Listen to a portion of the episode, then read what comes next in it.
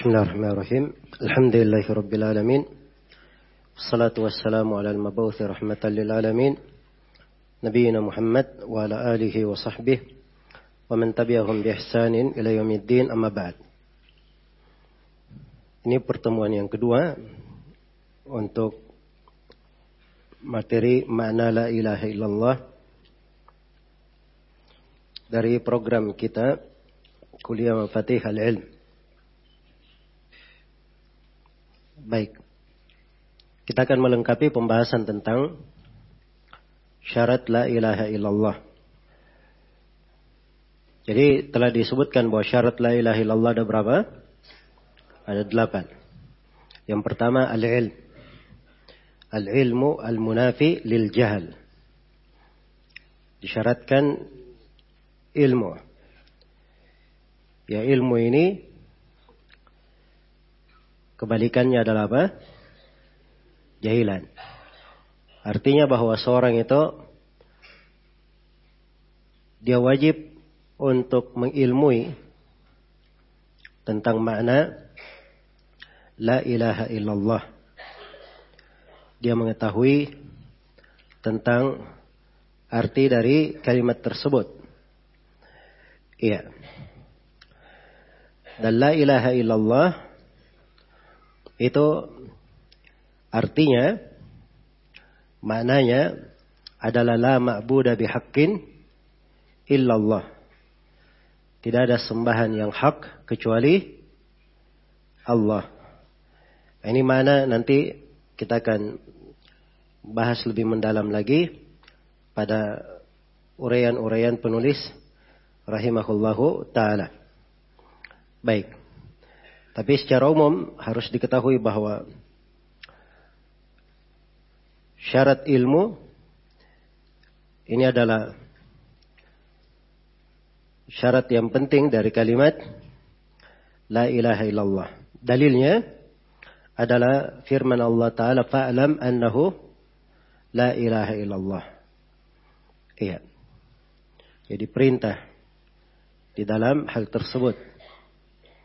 Dan juga di antara dalilnya adalah firman Allah Subhanahu wa taala illa man syahida bil haqqi wa hum ya'lamun di surah Zukhruf ayat 86 illa man syahida bil haqqi wa hum ya'lamun. Man syahida bil haqq artinya syahida bila ilaha illallah.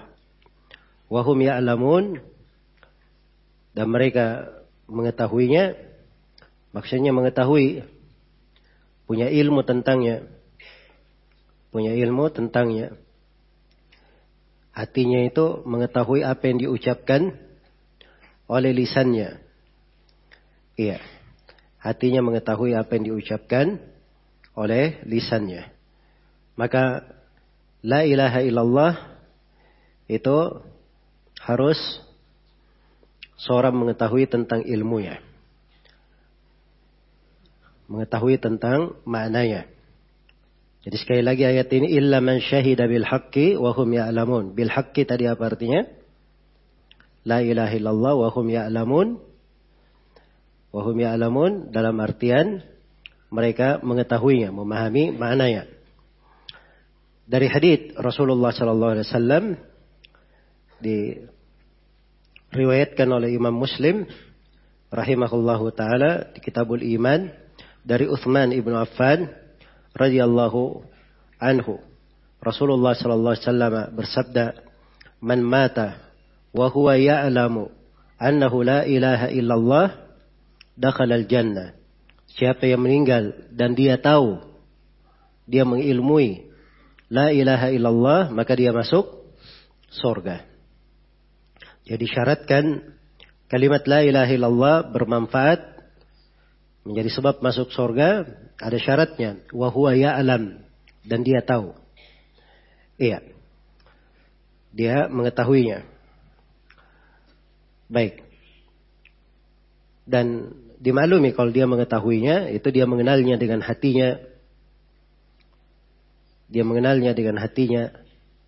Dan dia menetapkan dan meyakininya. Menetapkan dan meyakininya. Baik.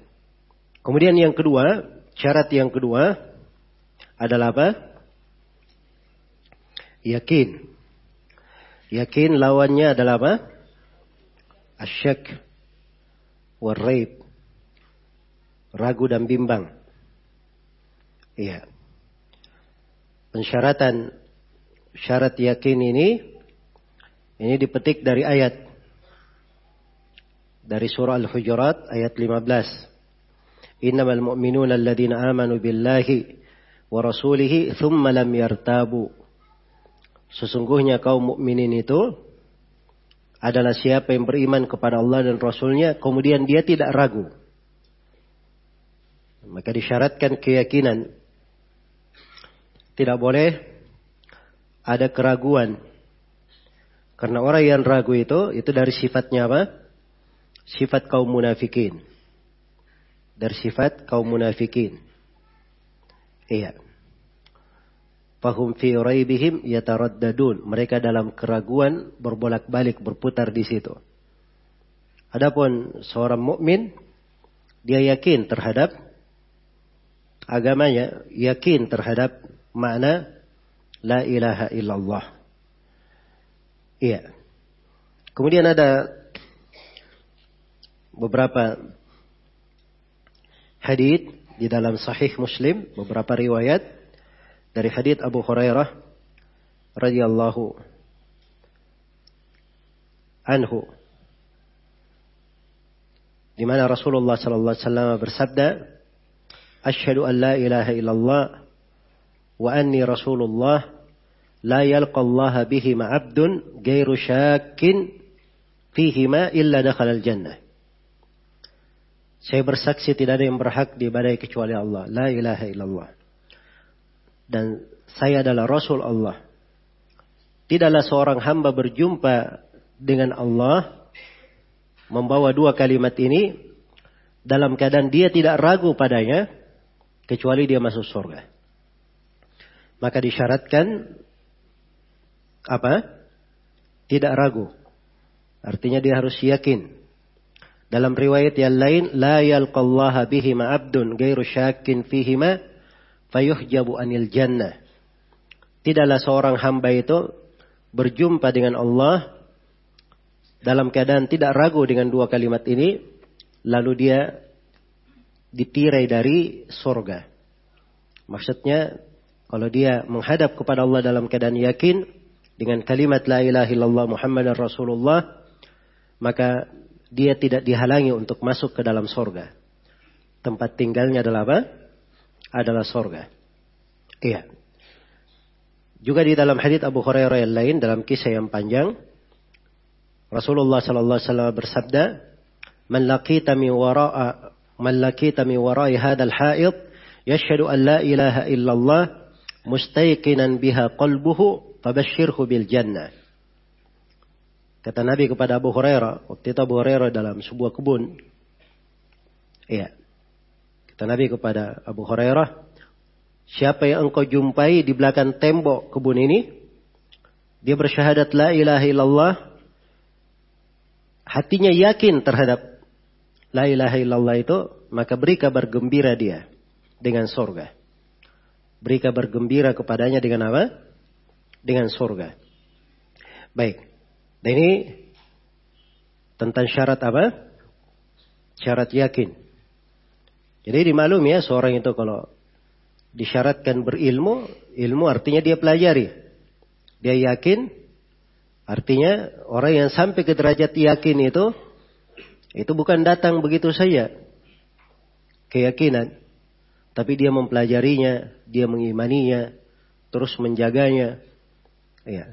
Karena itu semakin kuat tauhid seseorang itu apabila dia semakin mempelajari tentang kandungan dari la ilaha illallah. Ya. Dia selalu mengkajinya, membahasnya, mengulanginya. Maka itu akan semakin menguatkannya. Dan manusia di dalam ilmu dan keyakinan bertingkat-tingkat, berjenjang-jenjang. Baik. Kemudian syarat yang ketiga dari syarat la ilaha illallah adalah apa? Al-ikhlas. Al-munafi lisyirk warriya. Ikhlas yang meniadakan kesyirikan dan apa? Ria. Ya, artinya dia ikhlas di dalam mengucapkan la ilaha illallah. Sama sekali tidak ada syirik, tidak ada ria di dalamnya. Ya, berdasarkan firman Allah Subhanahu wa taala, "Ala lillahi ad-dinul khalis." Ketahuilah bahwa milik Allah agama yang lurus. Di surah Az-Zumar. Dan di surah Al-Bayyinah, "Wa ma umiru illa liya'budullaha mukhlishina lahuddin." Tidaklah mereka diperintah kecuali untuk beribadah kepada Allah dengan mengikhlaskan agama hanya untuknya. Iya. Dan telah saya bacakan hadits Abu Hurairah riwayat Al-Bukhari, "As'adun nasi bi syafaati al qiyamah man qala la ilaha illallah khalisan min qalbihi." Manusia yang paling beruntung mendapatkan syafaatku pada hari kiamat adalah siapa yang berucap la ilaha illallah ikhlas dari apa? Dari hatinya. Dan juga di dalam hadis Itban ibn Malik riwayat Al-Bukhari dan Muslim Rasulullah sallallahu alaihi wasallam bersabda Inna Allah harram 'ala an-nar man qala la ilaha illallah yabtagi bidzalika wajh Allah Sungguhnya Allah Subhanahu wa taala mengharamkan neraka terhadap siapa yang berucap la ilaha illallah, dia mengharapkan wajah Allah dengannya. Mengharapkan wajah Allah subhanahu wa ta'ala dengannya. Baik, maka ini beberapa dalil yang menunjukkan tentang harusnya apa? Harusnya ikhlas. Harusnya ikhlas di dalam kalimat ini. Tidak boleh ada kesyirikan. Iya. Sebab kandungan dari la ilaha illallah adalah tauhid. Pemurnian ibadah hanya untuk Allah berlepas diri dari segala bentuk kesyirikan dan berlepas diri dari ahlus syirk. Iya. Dan tidak boleh ada ria. Dia mengucapkannya karena ingin dipuji oleh manusia, ingin dilihat oleh manusia. Dan ini bertentangan dengan syarat la ilaha illallah dia mengucapkannya semata ikhlas karena Allah Subhanahu wa taala. Baik syarat yang ke empat. Apa yang keempat? As-sidq. As-sidq artinya kejujuran. Iya. As-sidq artinya kejujuran. Jujur itu kalau dia terkait dengan lisan disebut jujur. Kalau terkait dengan anggota badan, itu disebut kesungguhan. Kalau terkait dengan hati, itu disebut ketulusan. Disebut ketulusan. Dan semuanya masuk di dalam mana as-sidiq. Karena as-sidiq itu bukan terkait dengan lisan saya. Bukan terkait dengan apa? Lisan saya. Iya. Baik. Dan di sini kejujuran al-munafilil kadib bertentangan dengan kedustaan. Ya, bertentangan dengan kedustaan. Karena itu seorang yang berucap la ilaha illallah, dia jujur, maka dia bersih dari kemunafikan. Sebab orang munafik saja yang berdusta. Lisannya berucap la ilaha illallah, tapi hatinya memendam dari apa? Dari kekafiran. Iya. Baik. Dalil tentang apa namanya? uh, as-sidq ini adalah firman Allah Subhanahu wa taala Alif Lam Mim ahasiban nasu ay yutraku amanna wa hum la yuftanun wa laqad fatanna alladhina min qablihim fala ya'lamanna Allahu alladhina sadaqu wa al-kadhibin Alif Lam Mim apakah manusia mengira bahwa mereka akan dibiarkan begitu saja berucap kami beriman Sedangkan mereka tidak diuji, sungguh kami telah menguji orang-orang sebelum mereka. Kemudian Allah sungguh mengetahui siapa yang jujur, siapa yang sidik di antara mereka dan mengetahui siapa yang dusta. Iya.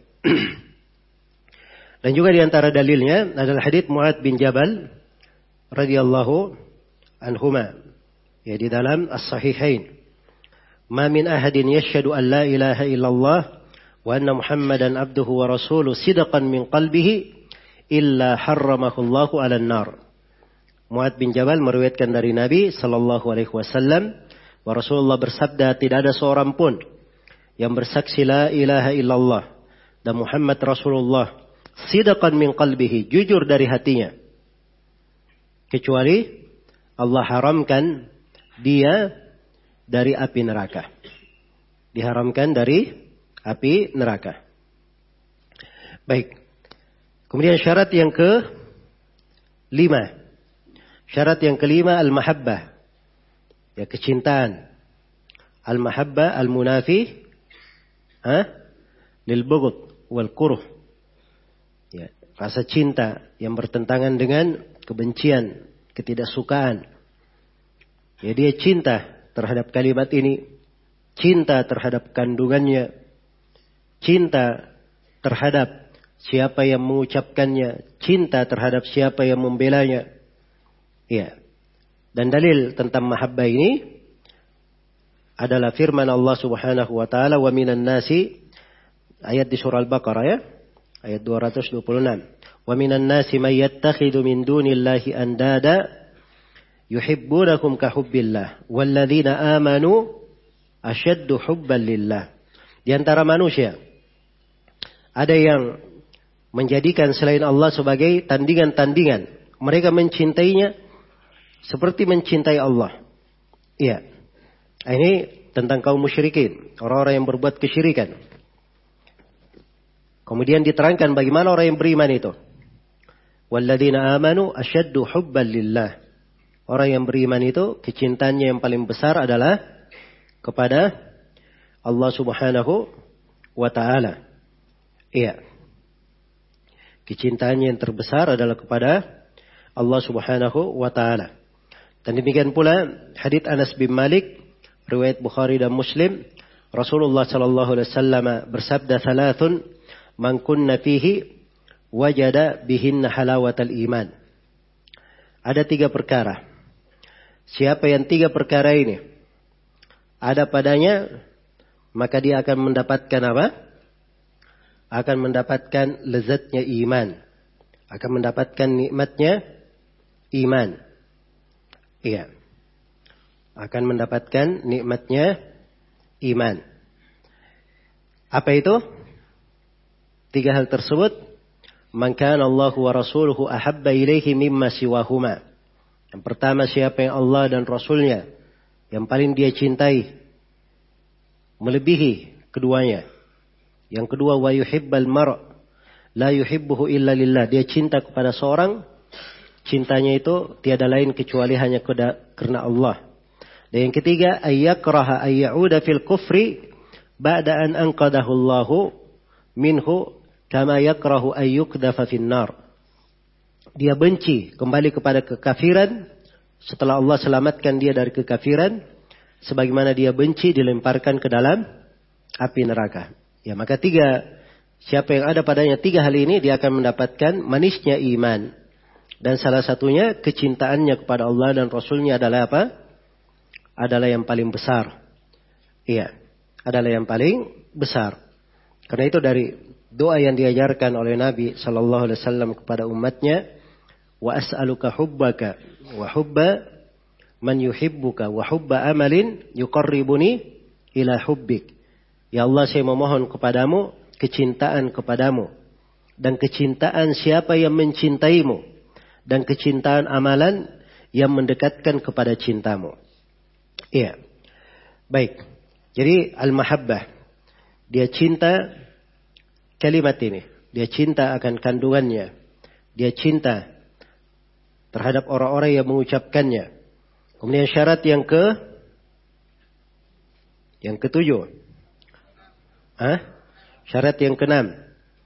Syarat yang keenam adalah al-inqiyat. Terikat. Ya, al-munafi tark. Ya, keterikatan yang meniadakan peninggalan. Ya. Atau kebebasan. Jadi di sini harus dipahami bahwa orang yang berucap la ilaha illallah itu dia sadar dirinya. Bahwa di dunia ini tidak ada yang bebas. Di dunia ini semuanya terikat. Kalau dia tidak terikat dengan la ilaha illallah, tidak terikat kepada Allah, maka pasti dia terikat oleh syaitan atau terikat oleh dirinya sendiri. Tidak yang mengatakan bahwa dirinya merdeka, bebas. Iya. Dunia ini adalah penghambaan, perbudakan. Penghambaan kepada Allah subhanahu wa ta'ala. Baik. Jadi ini yang keberapa? Yang keenam. Iya. Yang keenam. Dalilnya dia terikat adalah firman Allah Subhanahu wa taala, "Wa may yuslim wajhahu ila Allah wa huwa muhsin faqad istamsaka bil urwatil wuthqa." Barang siapa yang menyerahkan wajahnya kepada Allah, berserah diri. Ini menunjukkan keterikatannya penuh. Dia serahkan. Wa huwa muhsin. Dan dia adalah seorang yang baik. Berbuat baik. Maka faqad istamsaka dia telah berpegang teguh bil urwatil wuthqa dengan urwa yang kuat, tali yang kuat. Tali yang kuat tadi apa? Hmm? Kalimat la ilaha illallah. Baik. Dan juga di antara dalilnya adalah firman Allah Subhanahu wa taala wa anibu ila rabbikum wa aslimulah. Berinabalah kalian kepada Rabb kalian, kembalilah kepada Rabb kalian dan hendaknya kalian berserah diri kepadanya. Hendaknya kalian berserah diri kepadanya. Baik. Dan ayat-ayat yang semisal dengan ini banyak ya. Di antaranya juga ayat yang populer di surah Nisa ayat 65, "Fala wa rabbika la yu'minuna hatta yuhakkimuka fima shajara bainahum, thumma la yajidu fi anfusihim harajan mimma qadait wa yusallimu taslima." Tidak demi Rabbmu mereka itu tidak beriman sampai mereka menjadikan engkau Nabi Muhammad sebagai hakim pada perkara-perkara yang mereka berselisih padanya.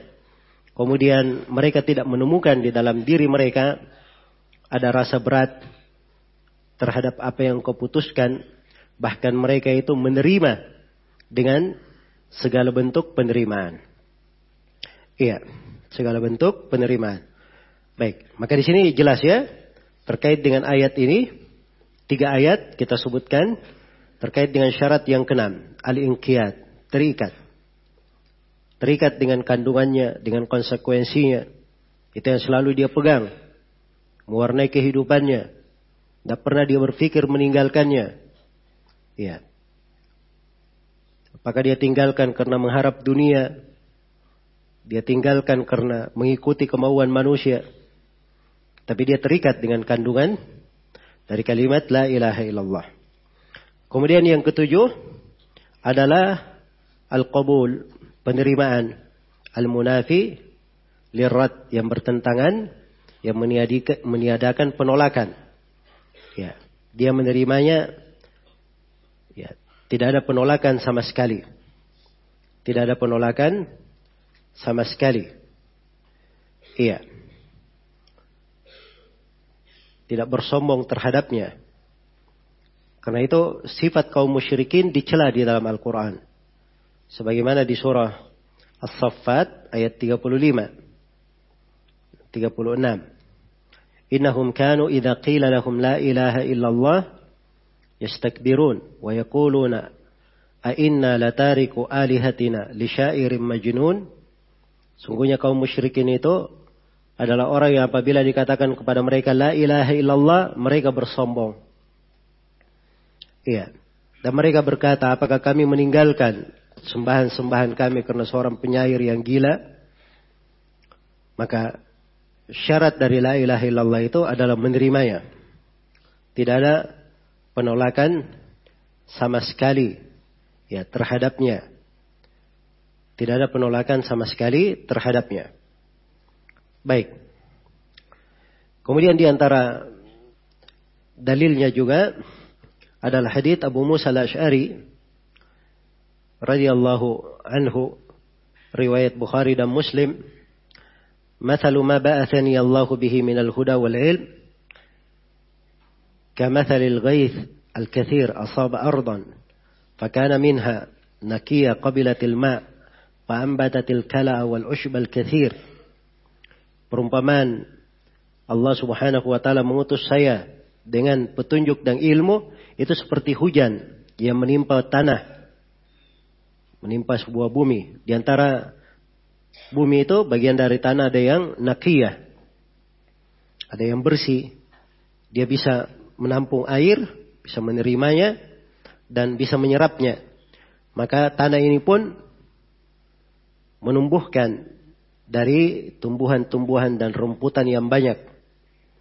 Wa kanat minha ajadib amsakatil ma. Dan di antara tanah ada yang ajadib. Ya, tanah tidak bisa menyerap tapi dia bisa menahan air. Fadafa'allahu bihan nas fasharibu wa saqaw wa zara'u. Maka Allah beri jadikan bermanfaat bagi manusia.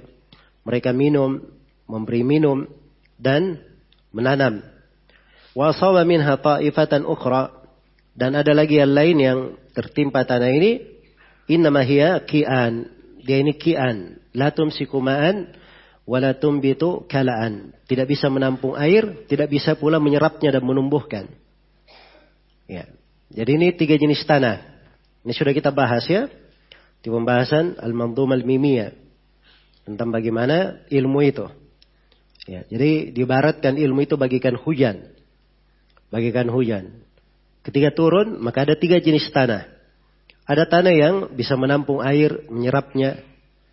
Ada tanah yang hanya menampung saja. Ada tanah yang tidak bisa menampung, tidak juga menyerap. Iya. Maka yang pertama itu, itu perumpamaan orang yang paham dalam agama Allah. Dan mengambil manfaat dari apa yang dibawa oleh Nabi Shallallahu Alaihi Wasallam. Fa'alima wa Maka dia pun apa mempelajari dan mengajarkan. Iya. Dan perumpamaan siapa yang tidak mengangkat kepalanya dan tidak menerima petunjuk dari Allah Subhanahu wa taala. Jadi ini perumpamaan-perumpamaan dibuat ya untuk mendekatkan kepada kita semua bagaimana kewajiban kita terhadap kalimat ini. Jadi secara umum seorang mukmin itu apalagi terhadap syariat yang agung ini dia harusnya menerimanya dan mengambil manfaat darinya. Iya. Kalimat itu masuk di dalam hatinya, dia terima dengan segala bentuk penerimaan dan dia mengambil manfaat darinya. Baik yang terakhir adalah al-kufru bima yu'badu min dunillah. Kafir terhadap segala yang diibadahi selain daripada Allah. Iya.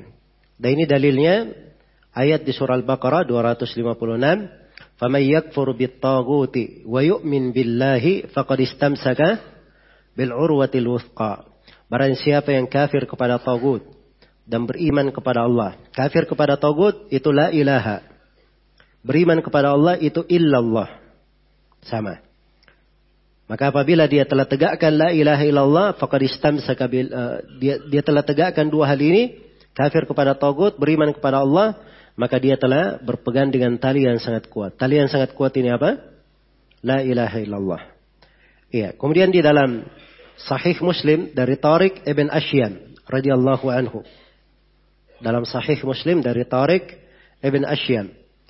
Rasulullah sallallahu alaihi wasallam bersabda, "Man qala la ilaha illallah wa kafara bima yu'badu min dunillah haruma maluhu wa damuhu." Nah, ini yang disebut oleh penulis ya haditnya di sini. Iya. Barang siapa yang berucap la ilaha illallah dan dia kafir terhadap apa yang diibadahi selain daripada Allah, maka telah haram harta dan darahnya. Ya, telah haram harta dan darahnya. Baik. Jadi ini delapan syarat dari syarat la ilaha illallah. Dan delapan syarat ini terkandung di dalamnya konsekuensinya. Apa keharusan seseorang itu terhadap kalimat yang agung ini? Iya. Jadi harus dipahami bahwa seorang yang berucap la ilaha illallah itu bukan sekadar ucapan saya. Iya. Bukan sekadar ucapan saya. Ada konsekuensi di belakangnya. Ada konsekuensi di belakangnya, ada kewajiban-kewajiban. yang berjalan padanya. Kewajiban-kewajiban berjalan padanya. Ya, karena itulah siapa yang telah mengucapkan kalimat yang agung ini dan dia mengetahui dari tujuh syarat ini, maka artinya dia telah memahami apa konsekuensinya, sisa bagaimana dia mengamalkannya.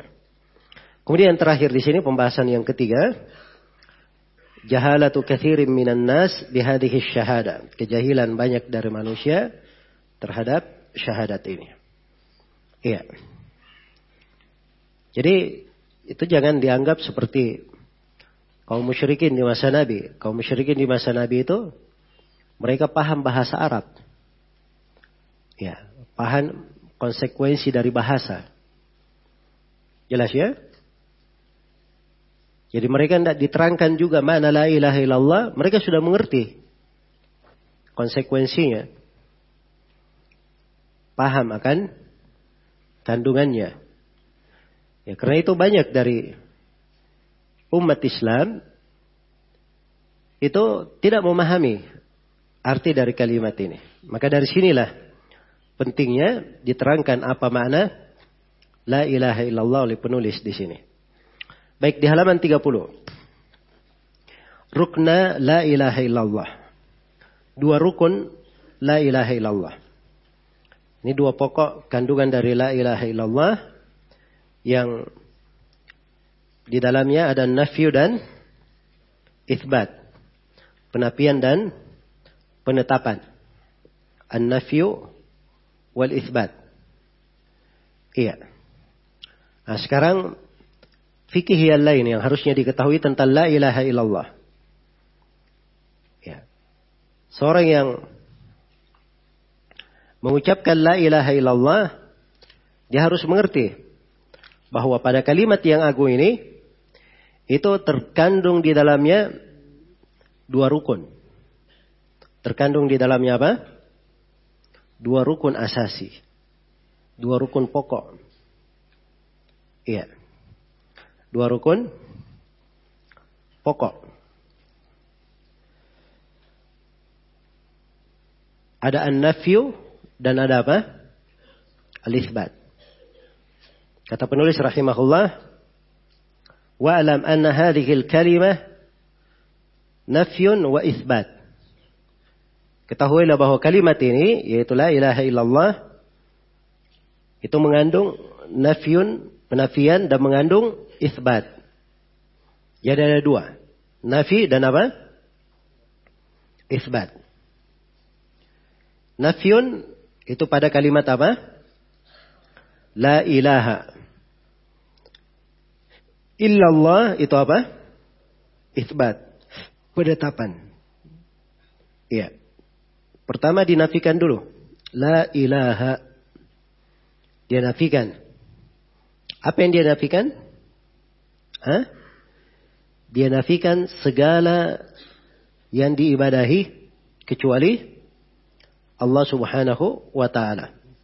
Jadi kalau Nafi itu diterangkan oleh Syekh di tempat lain di bukunya, akan datang nanti di salah satu usul. Itu nafian jami ma yu'badu min dunillah. Ya, dia menetapkan segala uh, dia menafikan segala yang diibadahi selain Allah. Itu penafian namanya. Nah. Dan isbat wal isbat itu artinya dia isbat ibadah itu hanya untuk Allah semata la syarika lahu. Musbitan al ibadata lillahi wahdahu la syarikalah. Dia tetapkan bahwa ibadah hanya untuk Allah Subhanahu wa taala tidak ada syarikat baginya. Jadi ada dua, ada nafyu dan ada apa? Ada isbat. Pertama dia nafikan nafyu segala yang diibadahi selain daripada Allah. Apakah yang diibadahi itu benda mati, yang diibadahi itu hewan, yang diibadahi itu tumbuhan, atau yang diibadahi itu ya makhluk. Apa saja yang diibadahi selain daripada Allah Subhanahu wa taala, maka itu wajib untuk apa? Untuk dia nafikan. Dia berlepas diri darinya Dia berlepas diri darinya. Iya. Baik. Ini an-nafyu. Dan yang kedua adalah apa? Al-ithbat. Dia tetapkan bahwa yang diibadahi hanyalah Allah semata.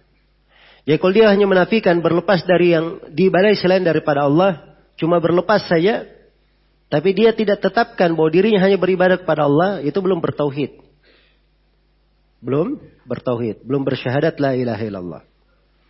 Sebagaimana sebaliknya, kalau dia tetapkan bahwa ibadah itu hanya untuk Allah, tapi dia tidak memusuhi apa-apa yang diibadahi selain daripada Allah. Dia tidak berlepas diri dari segala yang diibadahi kecuali Allah. Maka ini dia belum bertauhid.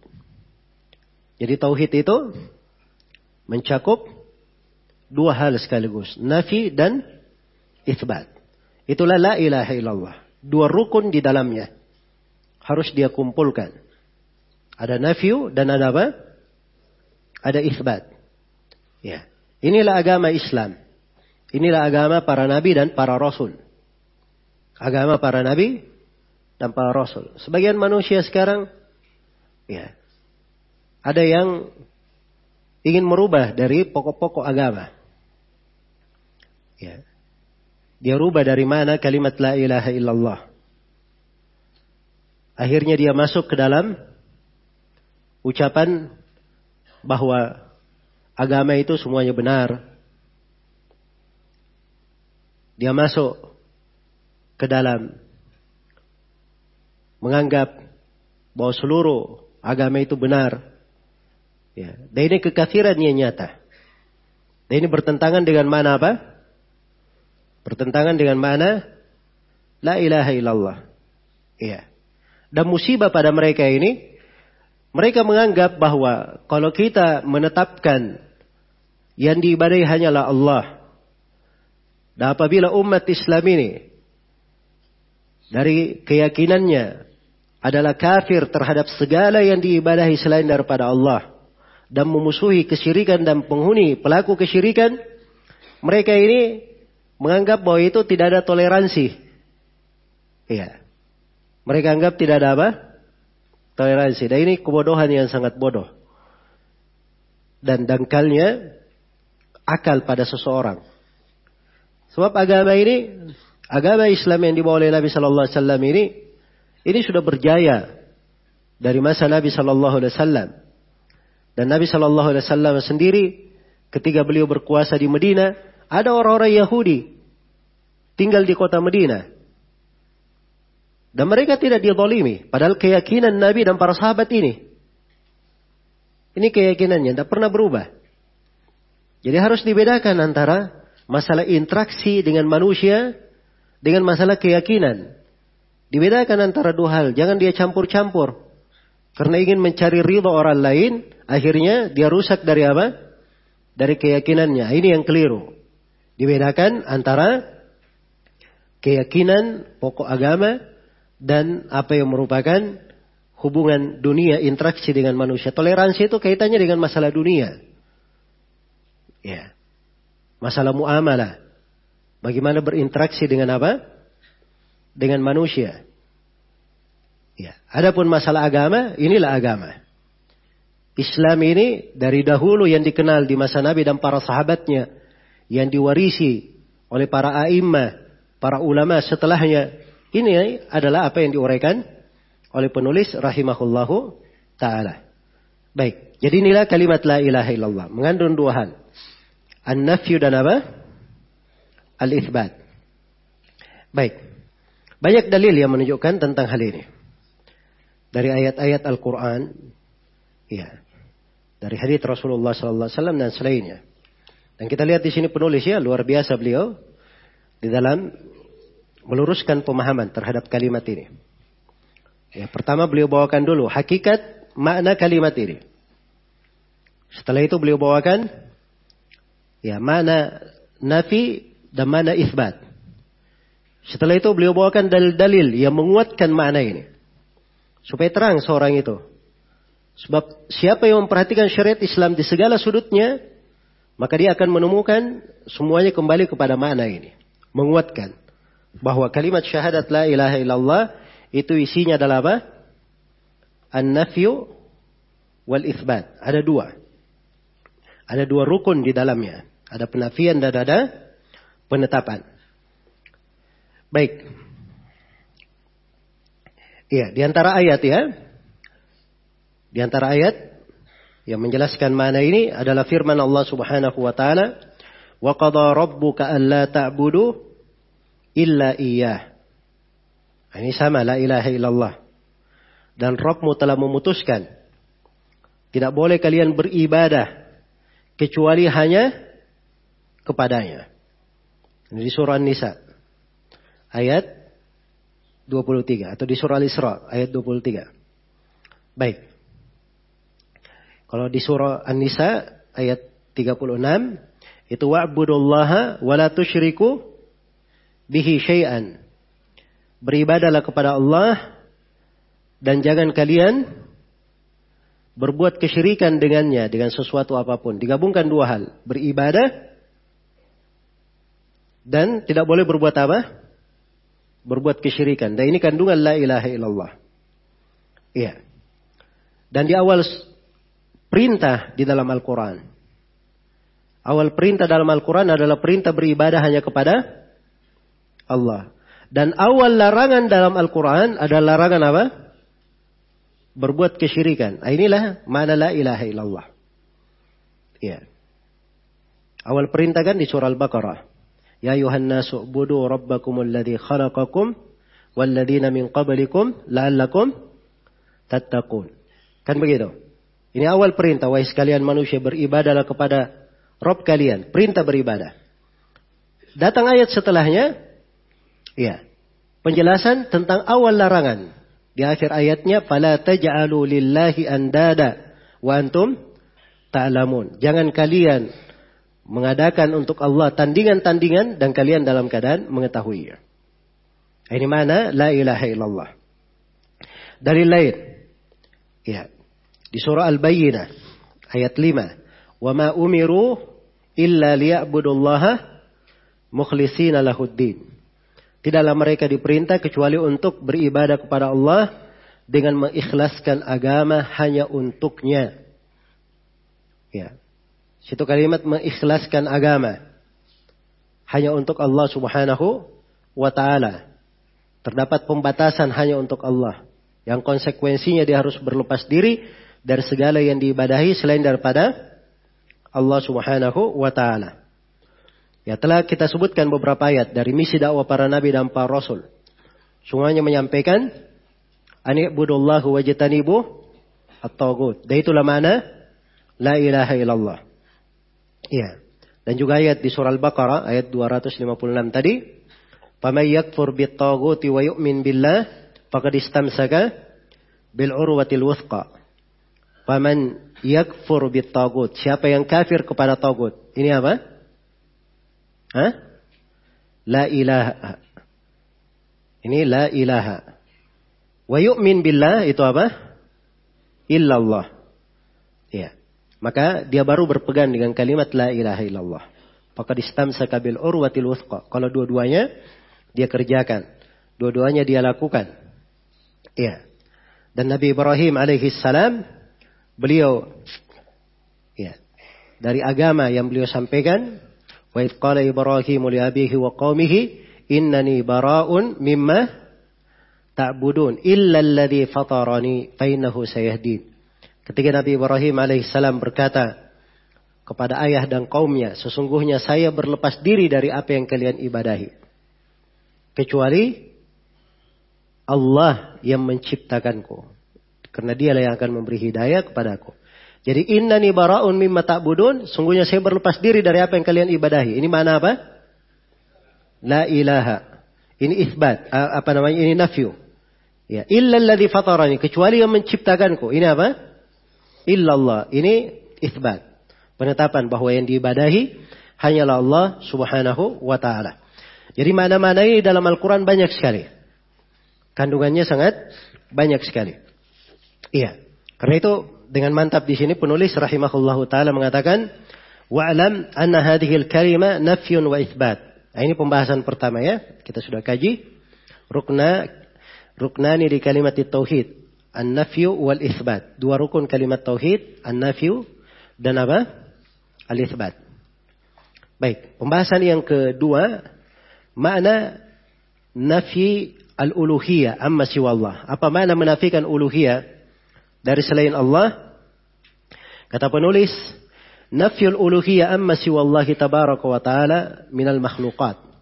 Hatta an Muhammadin sallallahu alaihi wasallam wa anil malaika hatta Jibril fadlan an gairihim minal awliya'i was salihin. Ya. Jadi mana penafian itu menafikan segala uluhiyah, segala penghambaan, segala penyembahan. Ya. Dia menafikan segala uluhiyah, penyembahan atau peribadatan. Ya. Amma siwallahi tabaraka wa ta'ala. Segala sesuatu selain Allah tabaraka wa ta'ala. Minal makhlukat. Dari seluruh makhluk. Siapa pun dari makhluk tersebut. Iya. Baik. Jadi ini mana penafian apa? Penafian uluhiyah. Iya. Dinafikan dari seluruh makhluk. Hatta an Muhammadin sallallahu alaihi wasallam. Sampai dinafikan juga dari Nabi Muhammad sallallahu alaihi wasallam. Walil malaika dinafikan juga dari para malaikat. Karena ini hak khusus bagi Allah Subhanahu wa taala. Hatta Jibril, sampai Jibril juga dinafikan. Padahal Jibril adalah apa? Pemukanya para malaikat. Ya, kalau bahasanya kita yang populer Jibril, kan begitu. Kalau penulis bahasakan Jibril. Memang ada beberapa bacaan pada kalimat Jibril. Bisa dibaca Jibril, bisa dibaca Jibril. Iya fadlan an gairihim minal awla'i was salihin. Ya, apalagi wali-wali dan orang-orang salih yang lainnya. Ya, kalau Nabi Muhammad saya, Jibril saya, dinafikan uluhiyah dari keduanya. Ya. Demikian pula para nabi dan para rasul dinafikan uluhiyah dari mereka. Apalagi selain dari mereka, dari para wali dan orang-orang yang salih. Baik, jadi ini makna penafian uluhiyah dari selain Allah Subhanahu wa taala. Iya. Dinafikan segala bentuk penghambaan, peribadatan dari mereka semuanya dari seluruh makhluk itu. Iya. Kemudian kata beliau idza fahimta dalika fata'ammal hadhihi al-uluhiyah allati athbataha Allah li nafsihi. Kalau engkau telah memahami tersebut, maka pahamilah, perhatikanlah uluhiyah ini. Ya Allah tetapkan untuk dirinya. Ya. Jadi ini pembahasan kita yang ketiga ya, tentang uluhiyah yang Allah tetapkan untuk dirinya. Ya. Mana isbat uluhiyah lillahi wahda. Mana penetapan uluhiyah hanya untuk Allah semata. Jadi bisa dipahami dari keterangan sebelumnya. Bahwa uluhiyah untuk Allah semata itu peribadatan penghambaan hanya diberi untuk Allah saja. Satu-satunya tidak ada syarikat baginya. Ya sekali lagi dua hal. Dari kalimat tauhid la ilaha illallah. Tidak terpisah. La ilaha illallah. Dua. Rukun. Bersambung. Iya. Karena itu di sini tampak kekeliruannya orang-orang sufi. Iya. Mereka katanya kalau sudah berzikir, membaca la ilaha illallah, ya kalau sudah sangat asyik dia berzikir, nanti sisa sepotong saya. Ya, yang dia baca. Pertama la ilaha illallah, la ilaha illallah, la ilaha illallah. Berikutnya illallah, illallah. Berikutnya Allah, Allah. Berikutnya hu, hu. Hah? Ini orang-orang bermain-main dengan agama. Iya. Dan mereka mengucapkan kalimat la ilaha illallah tidak paham apa artinya. Apa maknanya. Nah ini dipahami ya dari kejahilan. Andai kata mereka belajar Ya, kalimat la ilaha illallah tidak mungkin masuk ke dalam hal yang seperti itu. Sebab ini dua kalimat tidak mungkin. Ini kalimat la ilaha illallah dua rukun tidak mungkin apa? Tidak mungkin terpisah. Siapa yang menetapkan Allah yang diibadahi, tapi dia tidak berlepas diri dari segala yang diibadahi selain daripada Allah. Iya.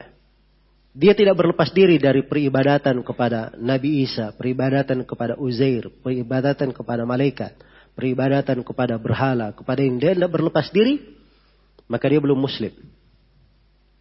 Sama kalau dia berlepas dari seluruh yang diibadahi, dia benci, tapi dia tetap tetapkan ibadah hanya untuk Allah. Maka ini juga belum bertauhid.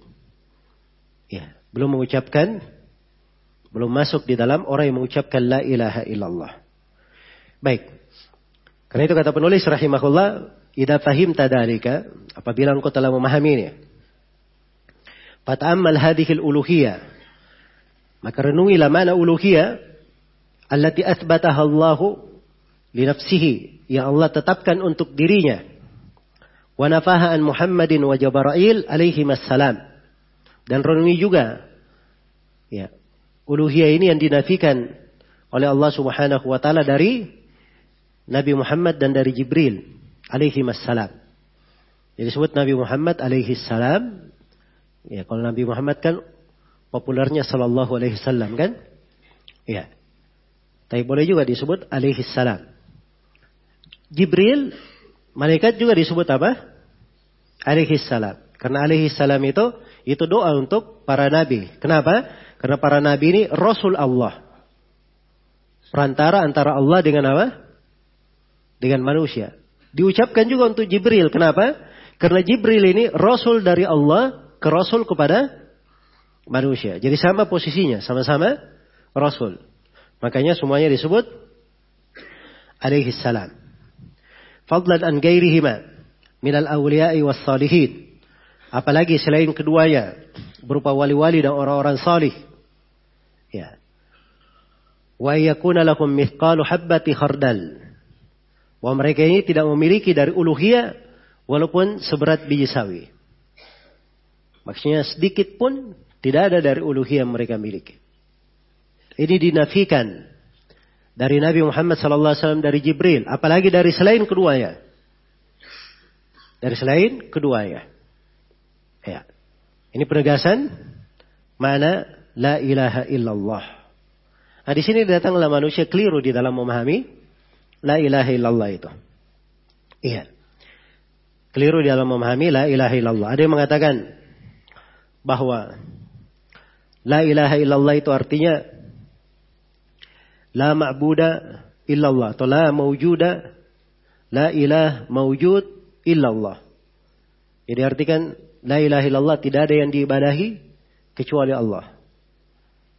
Iya. Nah, ini belum dia memahami arti la ilaha illallah. Atau dia katakan tidak ada ilah yang ada kecuali Allah. Ini penafsirannya ahlu wihdatul wujud. Ya, karena mereka yakini bahwa tidak ada pembagian antara makhluk dan yang menciptakannya. Bagi mereka segala yang ada itu itu adalah Allah. Ini ahlu wihdatul wujud. Segala yang ada adalah apa?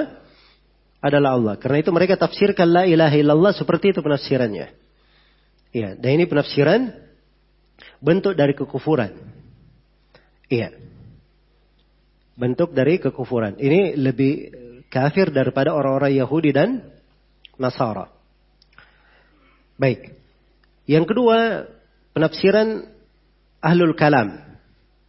Ahlul kalam kalau dia berkata la ilaha illallah itu artinya la qadira alal ikhtira wal khalqi wat tadbir wal ijad illallah. Artinya tidak ada yang mampu mengadakan, tidak ada yang mampu mencipta, tidak ada yang mampu ya mengatur kecuali Allah. Ini tafsirnya siapa? Ahlul kalam. Dia tafsirkan la ilaha illallah dengan mana apa? Mana rububiyah. Ya, dan ini sudah kita terangkan batilnya dan itu kalau seperti itu mana la ilaha illallah berarti apa? Kaum musyrikin di masa Nabi semuanya apa? Sudah masuk Islam karena mereka semuanya mengaku itu. Nah, ini penafsiran ini mencocoki agama kaum musyrikin. Nah, ini bahayanya ya. Nah, ini penafsirannya ahlul kalam. Iya. Ada yang menafsirkan kalau orang-orang dari kalangan Jahmiyah dan Mu'tazilah mereka tafsirkan dengan menafikan sifat, nama-nama dan sifat. Iya. Baik. Dan muncul di belakang ini dari kelompok manusia, dari Hizbiyin, ya, terkenalnya di Ikhwanul Muslimin, yang mereka ini dai-dai yang mengajak kepada pemberontakan di berbagai tempat. Mereka tafsirkan la ilaha illallah artinya la hakimiyata illallah. Tidak ada hakim kecuali Allah. Iya. Dan ini penafsiran yang batil. Penafsiran yang apa? Batil. Karena la ilaha illallah maknanya kepada uluhiyah. Hakimiyah itu masuk di dalam tauhid rububiyah atau masuk di dalam tauhid asma wa sifat. Iya. Inilah karena hawa nafsu. Saking berlebihannya mereka di dalam mengafirkan siapa yang mereka sangka dengan orang yang tidak berhukum dengan apa? Hukum Allah. Akhirnya dia rubah dari agama ini semuanya saya beri contoh dari penafsiran-penafsiran yang batil terhadap apa? Kalimat la ilaha illallah. Karena itu kalimat la ilaha illallah maknanya cuma satu berdasarkan keterangan ini. Jelas maknanya. La ilaha illallah artinya la ma'budu bihaqqin illa illallah. Tidak ada sesembahan yang hak kecuali Allah. Ya, jadi kalau ada yang ditanya apa makna la ilaha illallah, maka jawabannya apa? La ma'budu bihaqqin illallah. Ah, itulah makna la ilaha illallah. Berdasarkan keterangan yang kita sudah sebutkan. Dengan melihat rukun yang terkandung di dalam nafyu dan isbat. Melihat syarat dari la ilaha illallah. Ya. Dan itu yang berjalan di dalam kaidah bahasa. Yang berjalan di dalam kaidah bahasa Arab. Ya, dan penafsiran ini persis dengan ayat Al-Quran. Di mana Allah subhanahu wa ta'ala berfirman, Dalika bi anna Allah huwal haq, wa anna ma yad'una min dunihi huwal batil. Iya. Ini di surah Al-Hajj ya. Kalau di surah Luqman tidak ada huwanya. Kalau surah Luqman, Dalika bi anna Allah huwal haq, wa anna ma yad'una min dunihi al-batil. Demikianlah bagi. Demikianlah karena Allah itu yang maha benar.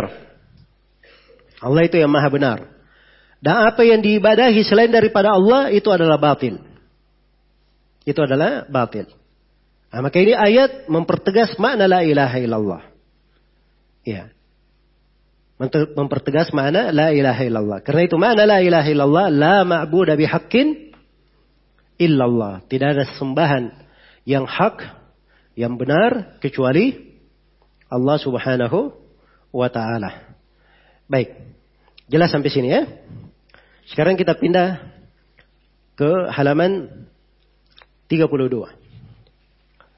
Berkata penulis rahimahullahu taala, baik saya beri judul al-uluhiyah ladal musyrikin dan mutaakhirin.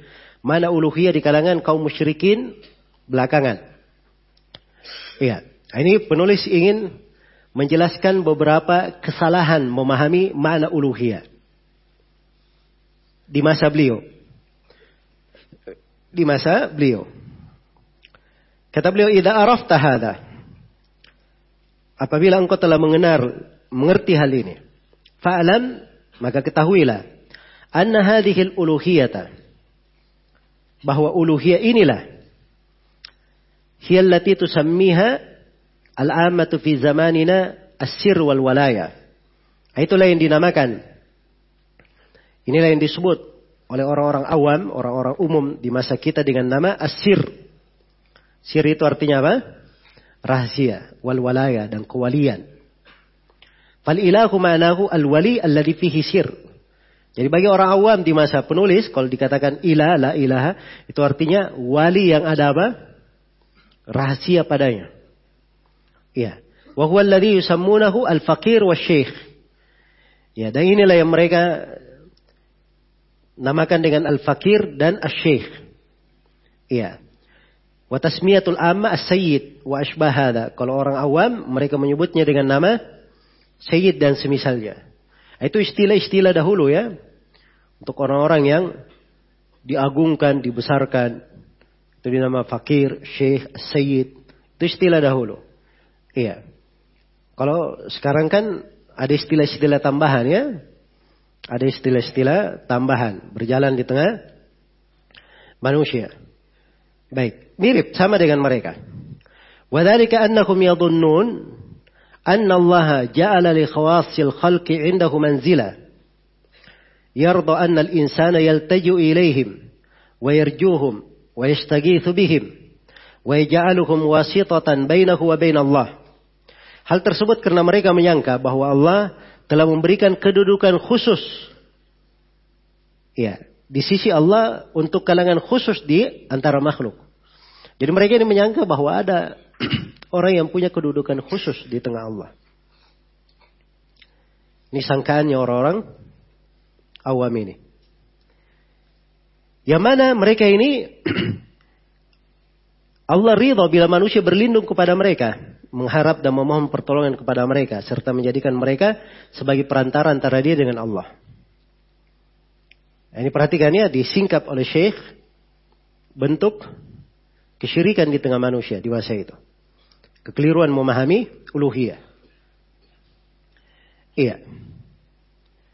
Jadi di masa itu ada yang mereka itu menyangka, meyakini bahwa Allah itu sudah memilih dari hamba-hambanya, makhluknya.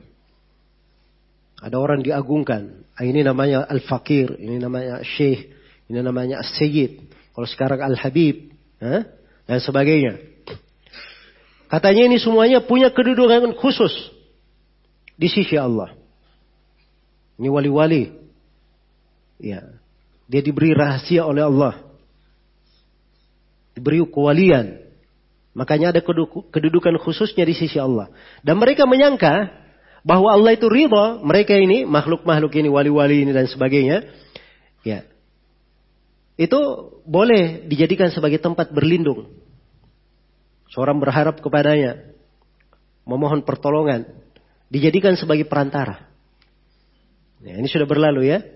Yang seperti ini sangkaannya siapa? Sangkaannya kaum musyrikin. Yang sudah berlalu. Jelas ya? Iya. Baik. Maka kata Syekh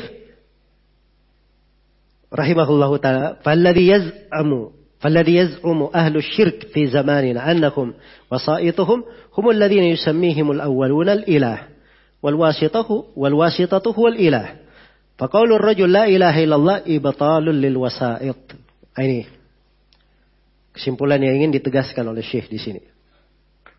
Jadi demikianlah sangkaan para pelaku kesyirikan pada masa kita. Bahwa mereka itu perantara-perantara mereka yang dinamakan oleh orang-orang musyrik terdahulu sebagai ilah. Jadi perantara itu namanya apa? Ilah. Ya. Kalau kaum musyrik ini masa dahulu itu tegas mereka. Ya. Mereka tolak bahwa hanya Allah diibadahi. Ya. Dan mereka membangkang bahwa yang diibadahi itu banyak, bukan cuma satu.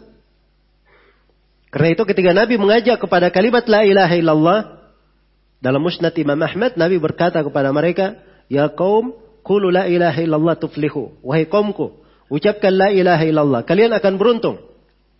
Apa jawaban mereka? Jawaban mereka disebut dalam Al-Quran. Aja'al al-alihata ilahan wahida, inna hada la syai'un ujab. Apakah Nabi Muhammad ingin menjadikan yang diibadahi cuma sembahan yang satu? Sungguhnya ini perkara yang menakjubkan.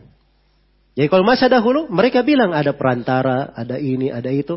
Masa dahulu mereka tidak ada bahasanya yang menyimpang, mengelabui. Bahasanya tegas. Itu sembahan kami. Kalau sekarang lain bahasanya. Oh, itu syekh. Hah? Itu wali. Itu sayyid. Itu al-fakir. Itu al-habib. Hah? Tapi kalau dibandingkan dari sisi istilah itu sama dengan penggunanya kaum musyrikin di masa dahulu. Ah, ini berhala kami, ini sembahan kami, ini ilah kami. Ah, itu bahasa mereka di masa dahulu. Jelas ya? Jadi ini hakikatnya sama. Jangan tertipu dengan penamaan. Iya. Hakikatnya sama. Karena itulah orang yang belajar tauhid, setelah dia mengerti, dia itu memahami hakikat dari tauhid. Jadi siapa pun yang datang mengelabuinya dengan nama itu tidak bermanfaat. Dia sudah jelas baginya tauhid. Karena itu Syekh simpulkan di sini. Kata beliau, "Faqaulur rajuli la ilaha illallah." Karena itu ucapan seseorang yang berkata la ilaha illallah itu artinya ibatalun lil wasaid. Adalah pembatilan terhadap seluruh bentuk perantara. Ya, perantaranya mau disebut syekh, mau disebut al-fakir, mau disebut ilah, mau disebut apa saja. Maka kalau dia benar ucapan la ilaha illallah, maka dia batilkan seluruh apa? Seluruh perantara. Iya. Baik. Jadi sini beliau ingin tegaskan makna la ilaha illallah. Bahwa makna la ilaha illallah itu pembatilan terhadap segala perantara. Itu dari mana la ilaha illallah. Dan ini sudah berlalu bersama kita di Kawaid Al-Arba. Di kaidah yang keberapa kemarin? Hah? Di kaidah yang kedua. Ya. Supaya tanpa ya agamanya kaum musyrikin di situ. Begitu dia aja mengucapkan la ilaha illallah, bisa masuk ke mereka. Sebab keyakinannya mereka boleh menjadikan sembahan selain daripada Allah. Walaupun alasannya sebagai perantara atau mencari apa? Mencari syafaat. Baik. Jadi ini uh, ucapan penulis rahimahullah taala. Saya poinkan di sini lima pembahasan. Yang pertama, ikrarul musyrikin bi tauhidir rububiyah. Iya. Jadi terkait dengan kaum musyrikin, mereka mengakui tauhid rububiyah. Iya. Mereka paham tentang tauhid rububiyah tersebut. Uh, baik, ini kayaknya masailnya bukan di sini ya. Ini masailnya ikut ke ke apa namanya?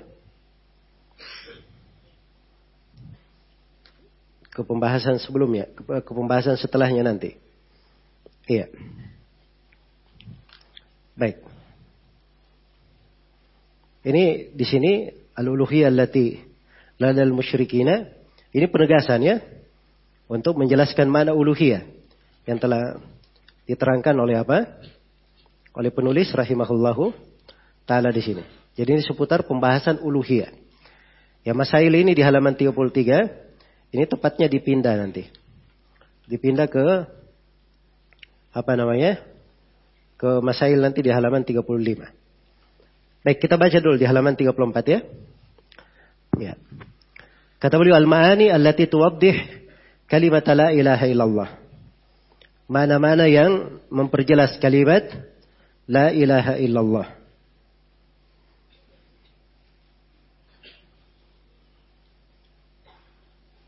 Baik, jadi sini kita masuk ke dalam perkara yang memperjelas mana la ilaha illallah. Jadi penulis dari metode beliau menerangkan la ilaha illallah ini, ini tergolong metode yang luar biasa.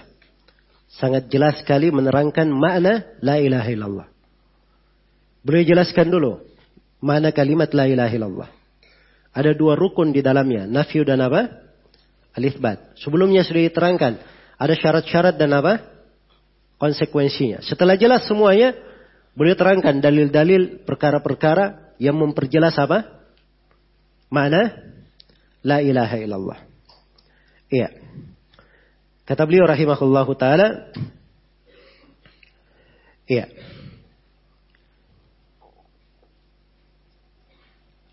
Kata beliau rahimahullahu taala, "Idza aradta an ta'rifa hadha ma'rifatan tammah Apabila engkau ingin mengetahui hal ini dengan pengetahuan yang sempurna, padahal bi amroy, maka hal tersebut dengan dua perkara. Nah, ini, ini dua perkara akan beliau terangkan dua perkara yang membuat seorang itu semakin mantap memahami mana la ilaha illallah. Baik. Ada dua perkara. Al-awwal yang pertama anta'rifa anna al-kuffara alladhina qatalahumun nabi sallallahu alaihi wasallam wa qatalahum وغرم أموالهم واستحل دماءهم وسبى نساءهم كانوا مكرين لله بتوحيد الربوبية. وهو أنه لا يخلق إلا الله ولا يرزق ولا يحيي ولا يميت ولا يدبر الأمر إلا الله. كما قال تعالى قل من يرزقكم من السماء والأرض أما يملك السماء والأبصار ومن يخرج الحي من الميت ويخرج الميت من الحي ومن يدبر الأمر فسيقولون الله Fakul afala tattaqun. Iya. Jadi kata beliau, apabila engkau ingin mengetahui hal ini, maksudnya tentang mana la ilaha illallah ini.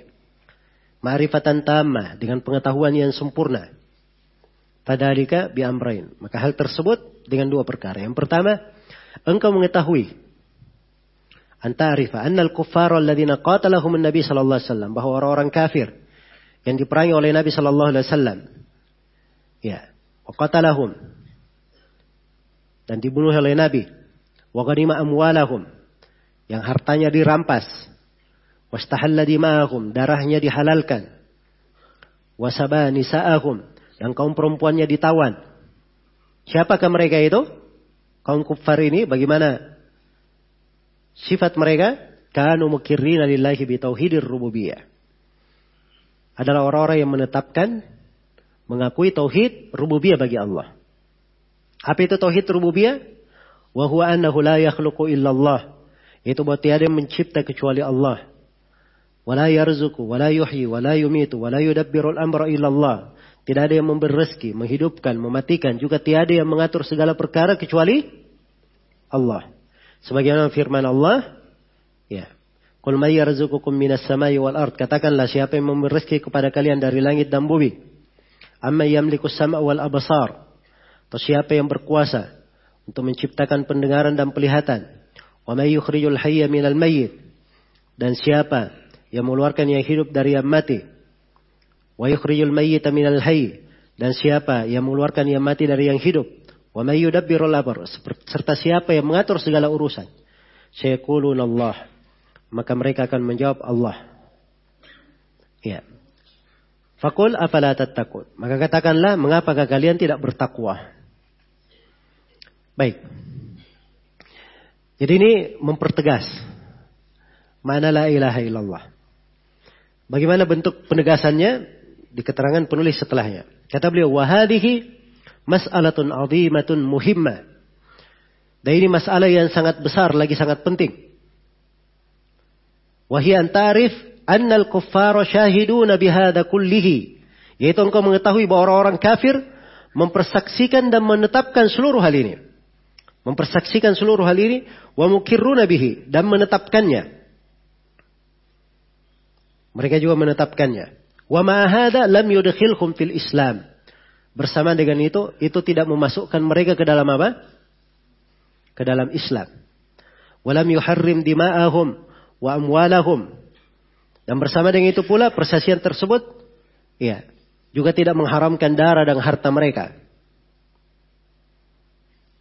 Wa kanu padahal mereka ini yatasaddaquna wa yahujjuna wa ya'tamirun wa yata'abbaduna wa yatrukuna asya' minal muharramat khaufan min Allah azza wa jal. Padahal mereka juga bersedekah, berhaji, berumrah, beribadah dan meninggalkan sejumlah hal yang diharamkan karena takut kepada Allah Subhanahu wa taala. Baik. Jadi ini perkara pertama ya yang mempertegas mana la ilaha illallah. Dan ini sudah kita bahas di Qawaid al-Arba'. Bagaimana penegasannya? Penegasannya bahwa kalimat la ilaha illallah mana yang ditegaskan di dalamnya tauhid apa? Tauhid uluhiyah, bukan tauhid rububiyah. Ya, memang maknanya la ma'budu bihaqqin illallah. Tidak ada yang diibadahi dengan benar kecuali Allah. Maknanya keuluhiyah. Jadi kalau ada yang mengartikan tidak ada yang mencipta kecuali Allah, memberi rezeki kecuali Allah, seperti penafsirannya Ahlul Kalam tadi. Tidak ada yang mampu mengadakan kecuali Allah. Tidak ada yang mampu mengatur kecuali Allah. Nah ini kan semuanya diakui oleh kaum musyrikin. Berarti itu bukan makna la ilaha illallah. Ya, maka ini hal yang pertama yang menegaskan makna la ilaha illallah, memperkuatnya. Baik. Memperkuat makna la ilaha illallah.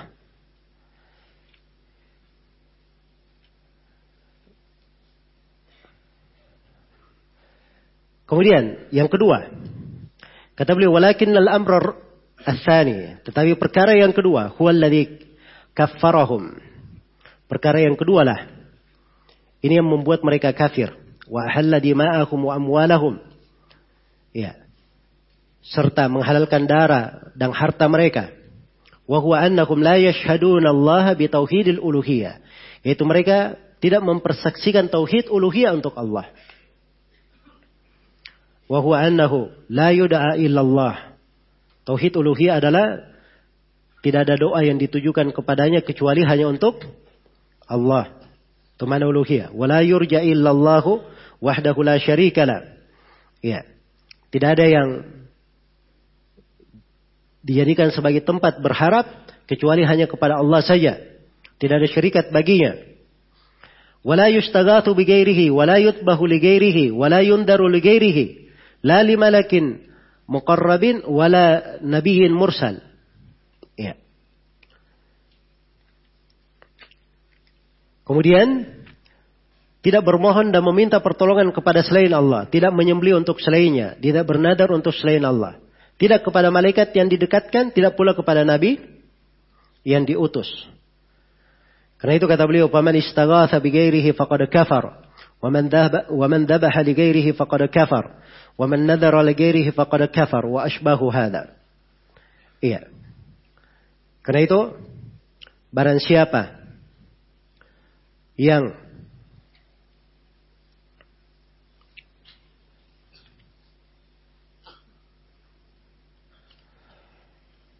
Barang siapa yang memohon pertolongan kepada Allah, sesungguhnya dia telah kafir. Dan barang siapa yang menyembeli untuk selain Allah, sungguh dia telah kafir. Ya, juga mana-mana yang semisal dengan ini. Jadi semuanya konsekuensinya ya. Ya, konsekuensi untuk seluruh hal tersebut. Baik, kemudian kata beliau, watamamu hada dan kesempurnaan ini. Jadi ini perkara yang pertama yang memperkuat. Ya, jadi sekarang kita sudah ketahui ya dari mana yang memperkuat kalimat la ilaha illallah bahwa kaum musyrikin di masa Nabi itu mengakui tauhid rububiyah.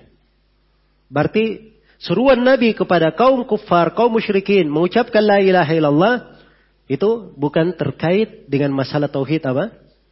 Rububiyah. Sebab itu diakui oleh kaum musyrikin. Mana la ilaha illallah kaitannya dengan tauhid uluhiyah. Ya. Walaupun sudah kita terangkan pengakuan terhadap tauhid uluhiyah terkandung di dalamnya penetapan terhadap apa? Tauhid rububiyah. Iya. Tauhid rububiyah bagian dari tauhid. Semuanya memahami ini. Tapi tauhid rububiyah semata tidak cukup untuk memasukkan ke dalam apa? Ke dalam Islam. Bahkan harus ada pengakuan terhadap tauhid uluhiyah. Baik. Kemudian kata beliau, "Wa tamamu hada an ta'rifa anna al-musyrikin alladziina qatalahum Rasulullah sallallahu alaihi wasallam kanu yad'una al-malaikata wa Isa wa Uzairan wa ghairahum min al-awliya fakaffarahum Allah bihada مع إقرارهم بأن الله هو الخالق الرازق المدبر. Iya. Kesempurnaan pemahaman ini, kesempurnaan memahami yang telah berlalu, adalah engkau mengetahui bahwa kaum musyrikin alladzina qatalahum Rasulullah sallallahu alaihi wasallam, kaum musyrikin yang diperangi oleh Rasulullah sallallahu alaihi wasallam, kanu yad'una al-malaika wa Isa wa Uzairan wa ghairahum min al-awliya. Mereka ini berdoa kepada orang-orang saleh, ya, berdoa kepada para malaikat, kepada Nabi Isa, ya, kepada Uzair dan selainnya dari wali-wali. Selainnya dari wali-wali. Fakaffarahumullahu bihada. Maka Allah subhanahu wa ta'ala mengafirkan mereka lantaran ini. Iya. Ma'ikrarihim bi anna Allah huwal khaliqur raziqul munabbir. Padahal mereka mengakui bahwa Allah adalah yang maha mencipta, maha memberi rezeki dan maha mengatur segala perkara. Baik.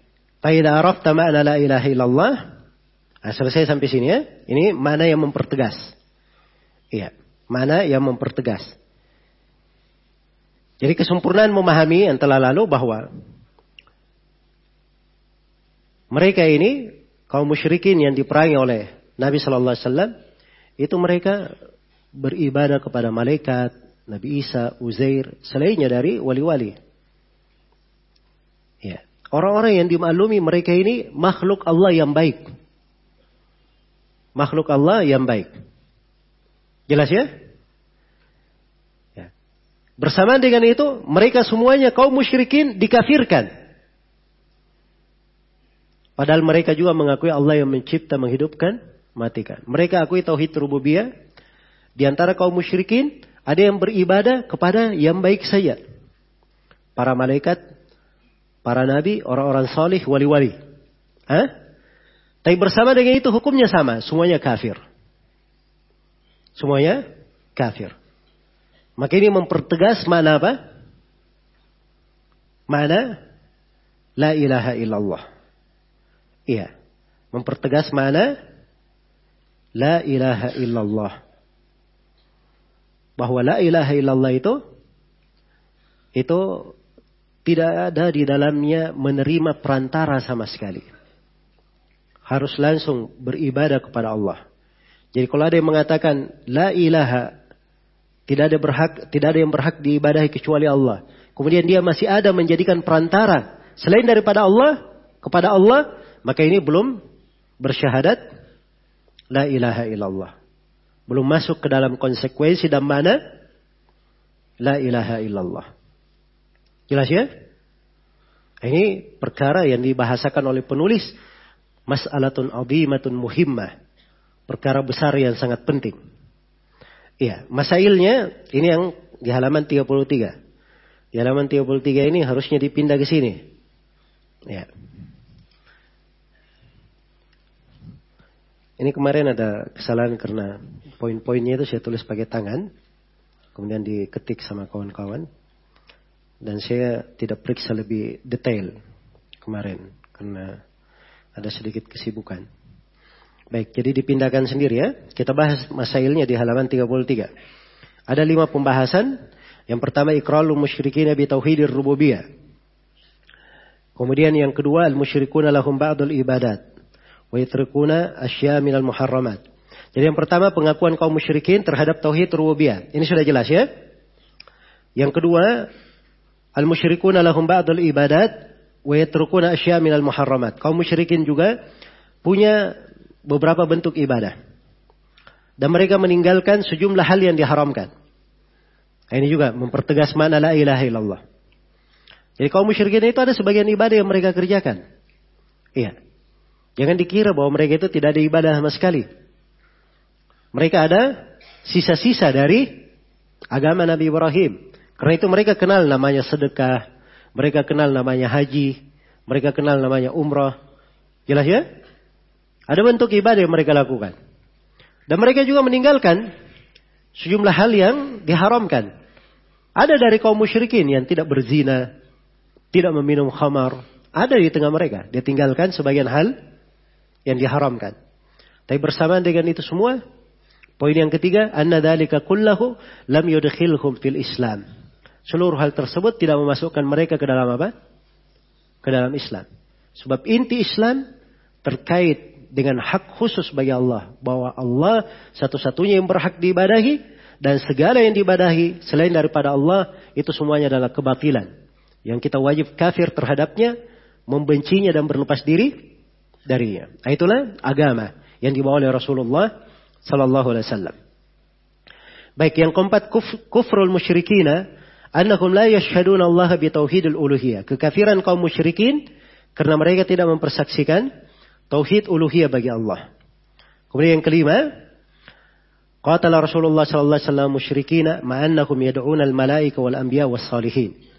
Rasulullah sallallahu alaihi wasallam memerangi kaum musyrikin. Iya. Padahal mereka ini beribadah kepada malaikat, para nabi dan orang-orang yang salih. Baik. Mereka beribadah kepada para nabi dan orang-orang salih. Ini sudah kita terangkan juga ya. Bahwa ya, kaum musyrikin subhanallah di antara mereka ada yang ibadahnya tidak dikenal beribadah kepada orang fasik, orang fajir.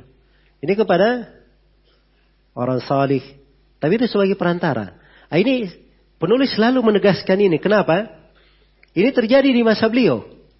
Orang-orang awam itu, mereka yakini ada sebagian dari makhluk. Ada yang disebut syekh, ada yang disebut al-fakir. Itu boleh sebagai perantara. Kalau dia ada masalah, boleh datang kepadanya. Ya, menjadikan mereka tempat untuk bermohon, tempat berlindung. Nah, ini yang diingatkan oleh Syekh. Bahwa ini semuanya bertentangan dengan apa? Mana la ilaha illallah. Dan ini dari musibah yang menimpa umat masih terjadi hingga di masa sekarang ini. Ya bahkan di masa sekarang ini ya lebih parah lagi. Lebih parah lagi. Ya. Dan terlihat ya dari dai-dai naudzubillah betul-betul seperti yang dikatakan oleh Nabi, du'atun ila abwabi jahannam. Dai-dai yang mengajak kepada pintu-pintu neraka jahannam. Mereka memang mengajarkan kesyirikan kepada umat. Iya. Mengajarkan kesyirikan kepada umat. Bagaimana berbuat kesyirikan. Dia benarkan beribadah di kuburan, tawaf di kuburan, meminta kepada wali-wali. Ya. Dan ini sekarang banyak ya dai-dai yang seperti itu. Bahkan mereka ada stasiun-stasiun televisi dalam hal tersebut, masuk di berbagai program. Iya. Dan ini dari musibah yang menimpa banyak manusia di masa ini. Karena itu harus dipahami bahwa ini pembahasan tentang tauhid adalah suatu hal yang sangat berharga. Iya, anugerah Allah yang sangat mahal. Ketika seorang itu diberi hidayah oleh Allah Subhanahu wa taala mengenal bagaimana ibadah yang sebenarnya kepada Allah Subhanahu wa taala. Baik. Kita akan uh, bahas pembahasan berikutnya di halaman 38.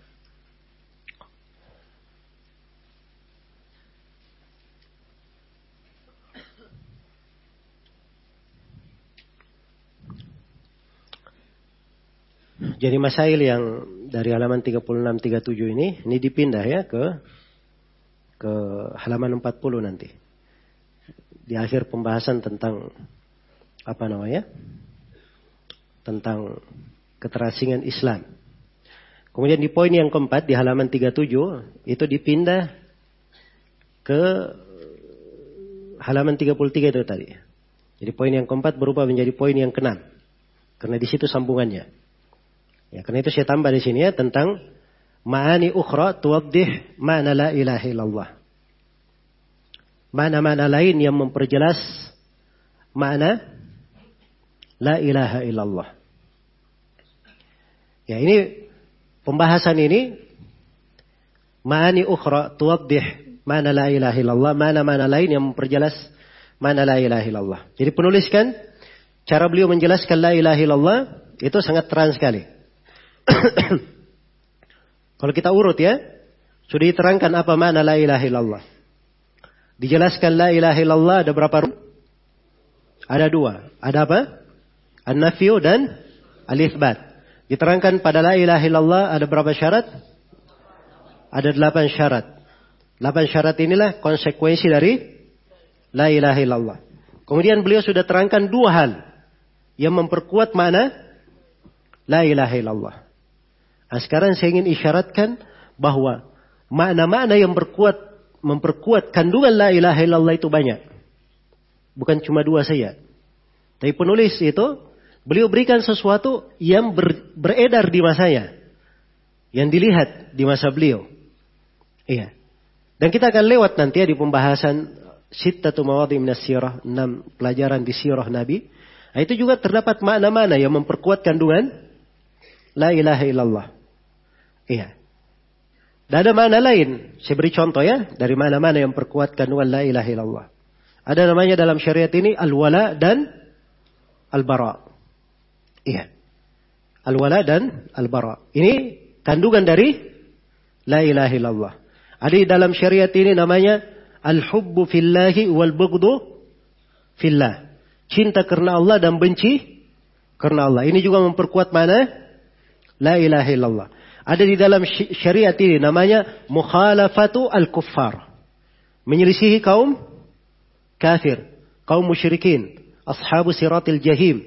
Orang-orang yang menempuh jalan ke neraka jahanam. Syariat ini datang untuk menyelisihi mereka. Menunjukkan bahwa la ilaha illallah agama ini memang dasarnya ke situ. Ya. Menegaskan bahwa ibadah agama hanya untuk Allah dan berlepas diri dari segala sesuatu yang diibadahi selain daripada Allah Subhanahu wa taala. Ini tiga hal lain ya. Memperkuat dari kandungan apa? Mana la ilaha illallah.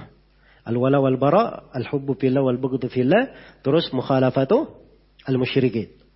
Ya, tiga hal lain. Dan masih banyak mana-mana yang lain di dalam agama kita. Ya, sengaja saya poinkan ya, karena ini juga masih ada beberapa buku kita akan lewati. Ya, ada nanti di Sittatu Mawadi Minas Sirah, ada di Salasatul Usul, ada di Kitabut Tauhid. Ya, akan datang nanti uh, juga di mana di penjelasan makna togut, ada juga nanti akan datang di penjelasan Nawakidul Islam, ada juga nanti di pembahasan Kashfus Syubhat. Ini semua buku-buku mempertegas dan memperjelas makna-makna dari apa? la ilaha illallah. Sehingga seorang betul-betul kuat di atas memahami arti dari la ilaha illallah. Ya, sehingga tampak betul syirik ini syirik. Tauhid ini tauhid. Nah, itu hasilnya nanti yang diinginkan dari mempelajari apa namanya buku-buku ini. Baik. Sekarang kita uh, berpindah ke halaman 38. Kata penulis rahimahullahu taala, saya beri judul di sini syubhatu al-musyrikin al-mutaakhirin. Syubhat klasik kaum musyrikin masa kini. Iya. Baik. Kata beliau, فَإِنْ قَالَ قَائِلٌ من المشركين نحن نعرف أن الله هو الخالق الرازق المدبر لكن هؤلاء الصالحين مقربون ونحن ندعوهم وننذر لهم وندخل عليهم ونستغيث بهم نريد بذلك الجاه والشفاعة وإلا فنحن نفهم أن الله هو المدبر Fakul kalamu kahada dinu Abi Jahal wa amsalihi. Ya. Sekarang syubhatnya dulu. Apa syubhat kaum musyrikin? Apabila seorang musyrik berkata, kami mengetahui bahwa Allah lah yang mencipta, memberi rezeki, dan mengatur segala urusan. Ini kan sudah jelas ya. Kaum musyrikin mengakui ini. Ya. Terus mereka katakan, tetapi mereka orang-orang soleh itu, adalah orang-orang yang didekatkan kepada Allah. Maka kami berdoa kepada orang-orang soleh ini. Bernadar kepada mereka. Ya, masuk kepada mereka. Memohon pertolongan. Meminta perlindungan dari mereka. Yang kami inginkan dengan hal tersebut adalah al-jah wa syafa'ah. Kedudukan dan apa? Syafaat. Sedangkan kami memahami bahwa Allah subhanahu wa ta'ala dialah yang mengatur segala urusan. Nah, ini syubhatnya kaum musyrikin. Nah ini banyak didapati. Ya. Jangankan dari orang awam yang mengaku ulamanya saja, ya, orang-orang berilmunya itu saja begini ucapannya. Kalau ditegur, kenapa kamu berdoa ke kuburan? Oh jangan samakan kami dengan kaum musyrikin. Kami ini mengakui Allah yang mencipta, menghidupkan, berrezeki. Ya hanya saja masalahnya saya ini banyak dosa. Ini kiai ini dia adalah seorang hamba yang dekat kepada Allah yang dikubur ini. Ya sama atau tidak ucapannya? Sama. Nah, ini syubhat klasik. Ya, kaum musyrikin di masa belakangan diambil dari masa dahulu. Karena itu jawaban penulis. Apa jawaban beliau? Kata beliau jawablah. Ya. Fakul kalamu kahada dinu Abi Jahal wa amthalihi. Bahwa ucapan kamu ini itulah agama Abu Jahal dan semisalnya. Itulah agamanya siapa? Kaum musyrikin. Ya, tidak ada bedanya. Fahum yad'una Isa wa Uzairan wal malaika wal awliya. Ya. Mereka ini berdoa kepada Isa, Uzair, para malaikat dan wali-wali. Wa yaqulun seraya berkata, "Mana burhum illa liqarribuna ila Allahi zulfa." Ya, tidaklah kami menyembah mereka kecuali untuk mendekatkan kami kepada Allah dengan sedekat-dekatnya. Ini sudah berlalu ya, kita terangkan. Di Al-Qawaid Al-Arba. Kaidah keberapa kemarin? Kaidah yang kedua. Dan di kelanjutan ayat ada bantahannya.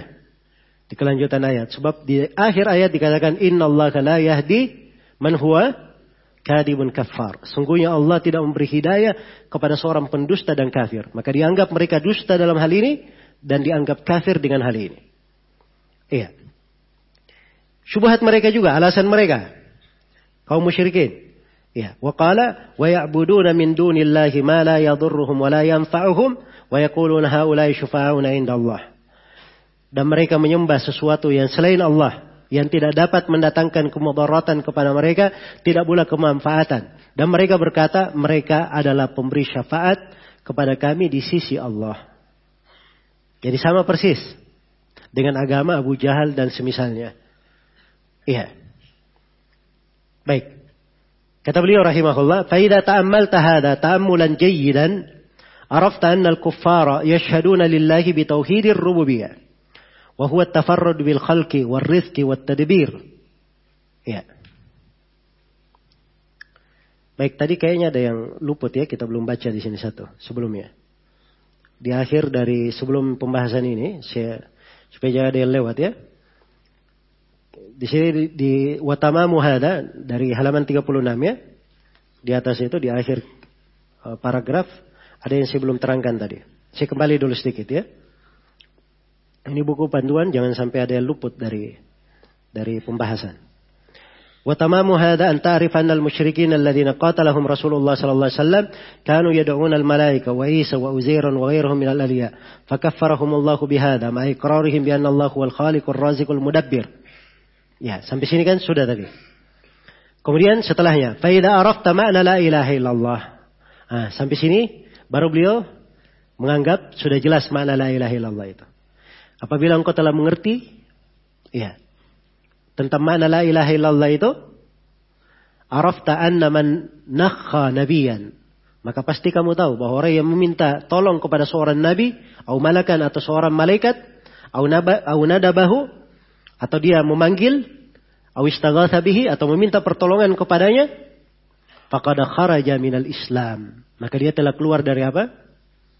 Keluar dari Islam. Wa hadha huwal kufur alladhi qatalahum alaihi Rasulullah sallallahu alaihi wasallam. Dan inilah kekafiran yang mereka diperangi oleh siapa?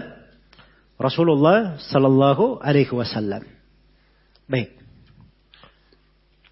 Jadi ini uh, akhir ya dari penegasan mana la ilaha illallah. Yang berbuat seperti itu, nah ini kafir keluar Islam karena memang itu bukan mana la ilaha illallah bertentangan dengan la ilaha illallah. Baik kita kembali ke halaman 39. Jadi kata beliau faida ta'ammal tahada ta'ammulan jayyidan apabila engkau merenungi ini dengan baik arafta annal kuffara yashhaduna lillahi bi tauhidir rububiyah engkau pasti mengetahui bahwa orang kafir juga mempersaksikan tauhid rububiyah Allah apa itu tauhid rububiyah? Wa huwa tafarrud bil khalqi war rizqi wat tadbir. Yaitu mengesahkan Allah dalam penciptaan, pemberi rezeki dan pengaturan. Fahum yunakhuna Isa wal malaika wal awliya yaqsuduna annahum yuqarribunahum ila Allah zulfa wa yashfa'una lahum inda. Ya, jadi mereka ini meminta pertolongan kepada Nabi Isa, para malaikat dan wali-wali dengan maksud mendekatkan diri mereka kepada Allah dengan sedekat-dekatnya dan agar mereka ini diberi syafaat di sisi Allah. Ya, kalau sudah dipahami ini, kata beliau, wa arafta anna al-kuffara khususan an-nasara minhum man yata'abbad al-laila wan-nahar fi dunya wa yatasaddaqu bima dakhala alayhi minha mu'tazilan fi sawma'atin anin nas ومع هذا كافر عدو لله مخلد في النار بسبب اعتقاده في عيسى وغيره من الأولياء. يدعوه ويذبح له وينذر له. وتبين لك أن كثيرا من الناس عنه بمعزل وتبين لك معنى قوله صلى الله عليه وسلم بدأ الإسلام غريبا وسيعود غريبا كما iya jadi sekarang beliau memberikan tangga-tangga tahapan-tahapan untuk sampai kepada kesimpulan pemahaman iya sekarang kita sudah paham ya kaum musyrikin mengakui tauhid rububiyah Alasan kaum musyrikin berbuat kesyirikan ada dua. Mencari kedekatan dan mencari apa? Mencari syafaat. Ada dua. Nah sekarang beliau kasih pendekatan lain, tangga berikutnya. Ya, sekarang kamu juga tahu. Ya, engkau juga mengetahui bahwa orang-orang kafir, khususnya orang-orang Nasara, di antara orang Nasara itu ada yang beribadah malam dan siang, serta zuhud di dunia, bersedekah dari penghasilan dunia mereka, dalam keadaan menyepi, di mana di tempat ibadahnya, di gereja mereka. Bersamaan dengan itu, orang Nasara hukumnya apa? Ya, semuanya pasti mengatakan dia ini kafir, musuh Allah, akan kekal di dalam neraka. Kenapa? Karena keyakinan dia tentang siapa? Tentang Nabi Isa. Kan begitu? Karena keyakinan dia tentang Nabi Isa dan para wali yang lainnya. Di mana dia berdoa kepada wali tersebut, menyembeli kepada menyembeli untuk wali tersebut, maksudnya kepada Isa dan wali tersebut, ini orang Nasara ya, dan bernadar kepadanya. Oleh karena itu, jelaslah bagimu bahwa banyak manusia, nah kalau seperti ini, ini kan menegaskan. Ya, ini mana? dari la ilaha illallah. Jadi ini sebenarnya sisa dibuka tirai saja. Kalian sekarang beribadah dengan gaya yang seperti ini. Lalu apa bedanya dengan orang Nasara? Ya. Apa bedanya? Kan begitu. Diberi tahapan oleh Syekh.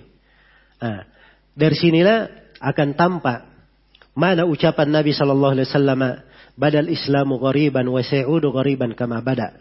Islam dimulai dalam keadaan asing dan akan kembali asing lagi bersama dengan awal mulanya. Sampai di sini kita masukkan poin pembahasan di halaman 36 dan 37. Ada tiga poin pembahasan tadi.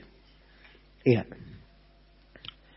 Baik, ada tiga poin pembahasan. Yang pertama, hujjatul musyrikin ala syirkihim huwa talabul qurba wa syafa'ah. Argumentasi kaum musyrikin terhadap kesyirikan mereka adalah mencari kedekatan dan apa?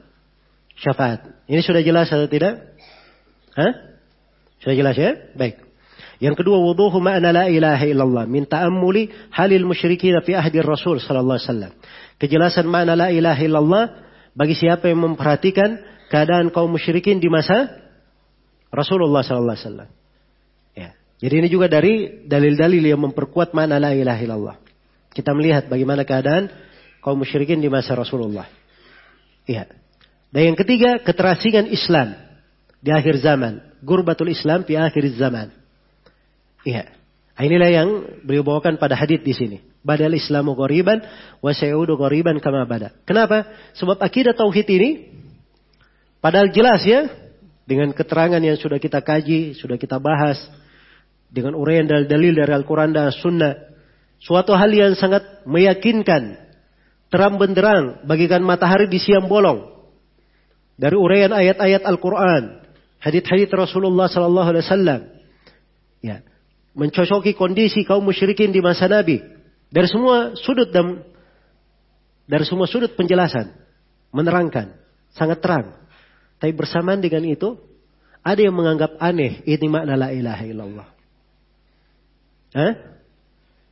Ada yang memusuhi orang yang mengajarkan itu makna la ilaha illallah. Bahkan ada yang menganggapnya itu adalah kesatan yang nyata. Iya. Ah, inilah keterasingan namanya. Syariat Islam yang sedemikian jelas dan terangnya dianggap asing oleh banyak manusia. Karena itu jangan bersedih. Rasulullah SAW bersabda, "Badal Islamu ghariban wa sayudu ghariban kama bada." Ya, dan ini hadisnya di Sahih Muslim ya, dari hadis Abdullah bin Mas'ud. Islam itu dimulai dalam keadaan asing dan akan kembali asing sebagaimana awal mulainya. Akan kembali asing sebagaimana awal dia mulai. Awal kali datang Islam itu dianggap asing oleh kaum musyrikin. Iya. Ketika Nabi menyampaikan la ilaha illallah, kan aneh bagi kaum musyrikin. Karena itu ucapan mereka, ajal al alihata ilahan wahida, inna hada la syai'un ujab. Apakah Nabi Muhammad ingin menjadikan yang diibadahi cuma satu? Ini hal yang menakjubkan. Aneh bagi mereka. Ternyata di akhir zaman juga seperti itu. Ini di masa penulis. Ketika diterangkan mana la ilaha illallah itu, dianggap aneh beliau. Ya. Dianggap bahwa beliau ini datang dengan agama baru. Dianggap bahwa beliau ini telah ya, menghinakan orang-orang yang selama ini dianggap membawa pemahaman-pemahaman yang menyimpang itu tadi. Jelas ya? Nah, inilah keterasingan di dalam apa namanya Islam di akhir zaman sebagaimana yang disebutkan oleh Rasulullah Sallallahu Alaihi Wasallam di sini. Maka setelahnya beliau memberikan beberapa wasiat. Ya, berapa pesan-pesan. Nah ini insya Allah kita akan kaji nanti di sesi yang akan datang. Baik.